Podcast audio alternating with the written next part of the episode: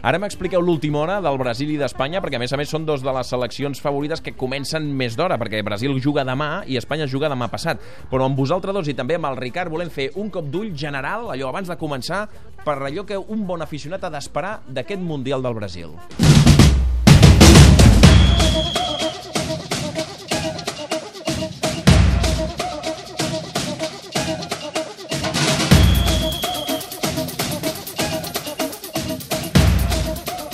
Sé aquesta teoria teva, que un Mundial és cada 4 Clar. anys, que s'ha de gaudir sempre, però Sempre. per aquest Mundial, de què et ve més de gust? Allò de dir, aquest Mundial em ve de gust per això. Em ve de gust per les seleccions que poden aparèixer com a alternatives, que poden animar el Mundial. És molt important que les seleccions, que hi hagi un segon esglaó a un campionat, de seleccions que estimulin el campionat. I més aquest, on han entrat totes les favorites, on han entrat totes les campiones del món, és a dir, on gairebé no falta ningú.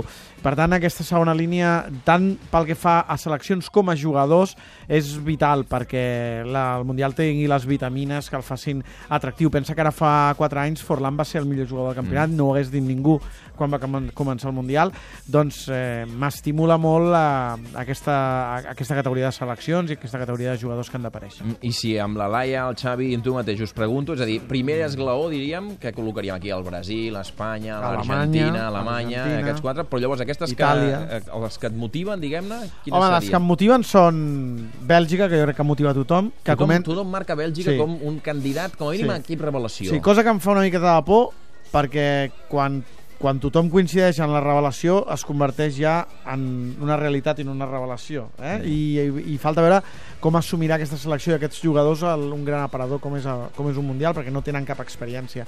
Però també hi ha altres seleccions que crec que estan predestinades per dir alguna cosa. La primera participació de Bòsnia, és una participació interessant, amb una selecció que jo crec eh, que pot ensenyar coses eh, at atractives, una selecció amb un futbol molt ofensiu, probablement a vegades un punt irresponsable. Eh, Colòmbia, em sembla una altra selecció eh, que pot estar a gran nivell, tot i que li falti Falcao. A l'Àfrica, crec que després de molts anys la Àfrica pot, pot punxar, crec que Ghana probablement és la representant més, eh, més sòlida, que ja va fer molt bons mundials els dos últims, va fer Mm. vuitens, quarts, eh? o sigui que li tocarien semifinals, però seria, seria una sorpresa que ho fes. Eh, i, I per mi una selecció que continua cada any pujant un esglau i que cada cop m'agrada més, em falta veure com ho farà aquest any és Japó. Eh? Des del punt de vista col·lectiu, des del punt de vista tàctic, és una selecció que ha crescut moltíssim, que té jugadors d'una tècnica eh, molt especial, eh, jugadors que es troben, s'associen molt bé, que probablement els hi falta un punt de mentalitat, de competitivitat, eh? de, de, de saber competir, que això en un gran campionat com aquest és, és important.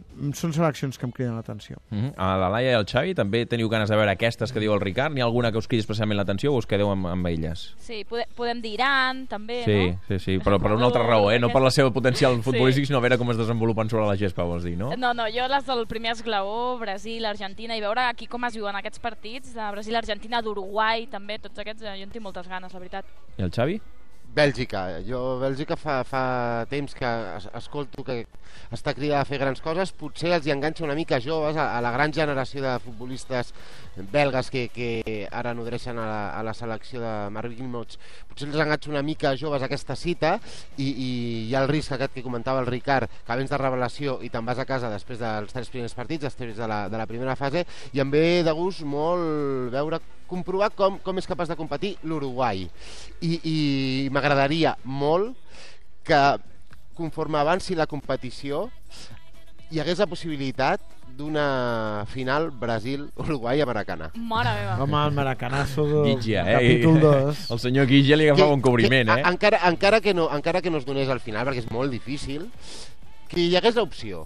Que, que quan es faci el quadre dels vuitens de final, eh, les dues seleccions vagin per, per una part de, diferent del quadre, que passin als quarts de final, fins i tot que passin a semifinals, i, i, i que la gent al Brasil, eh, no, no diré pateixi, però, però tingui aquest neguit de poder veure repetida una història que sembla increïble que pugui repetir-se. Li va la marxa, eh, Va, Campos. agafarà cobriments aquí. Haureu d'anar a l'hospital en lloc dels camps de La de futbol. reportatges que farem l'Aia a Rio de Janeiro, Home, si hi ha, si hi ha un Brasil-Uruguai a la final. Si veus que Uruguai va passant rondes eh, i que es ve, comença a veure's allà a l'horitzó, ja comences a agafar veus, eh, per tenir nevera, eh, com si fossis la El Campos Isa. el que vol és venir cap a Rio. Clar, ell va Ah, boig sí. per deixar el Curitiba. Per cert, ja, ja hem penjat al Facebook la foto i realment sembla un, edi un edifici d'oficines. Eh? A més, els cotxes molt enganxats, no? Veig aquí els cotxes No, no. que no, no hi ha espai entre, entre el, la paret i el, i el cotxe, eh?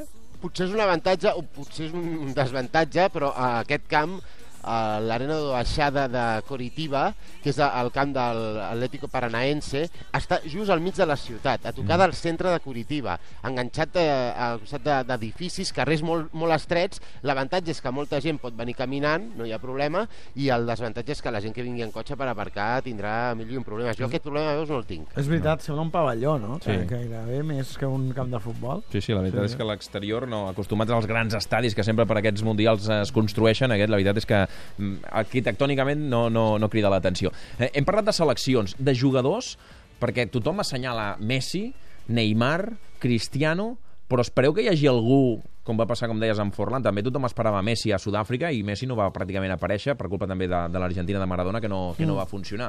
Espereu algú que agafi el relleu o creieu que aquests tres són els que estan cridats a ser Doncs protagonistes? jo et diré que tinc la sensació que els últims campionats del món sempre han tingut jugadors que no s'esperaven. I els que, o sigui, així com parlem de, de Maradona dècada dels 80 i dels 90, fins i tot Zidane, eh, Ronaldo, Rivaldo, que mai, mai havien fallat, a mesura que han avançat els campionats, potser perquè tot s'ha igualat, perquè els calendaris estan molt densos, normalment les grans estrelles...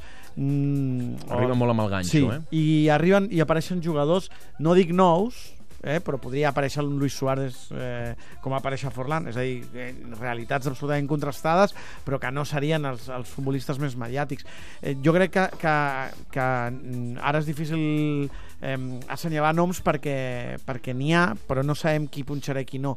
Estic gairebé segur que Messi i Neymar eh, hauran com a mínim de compartir regnat.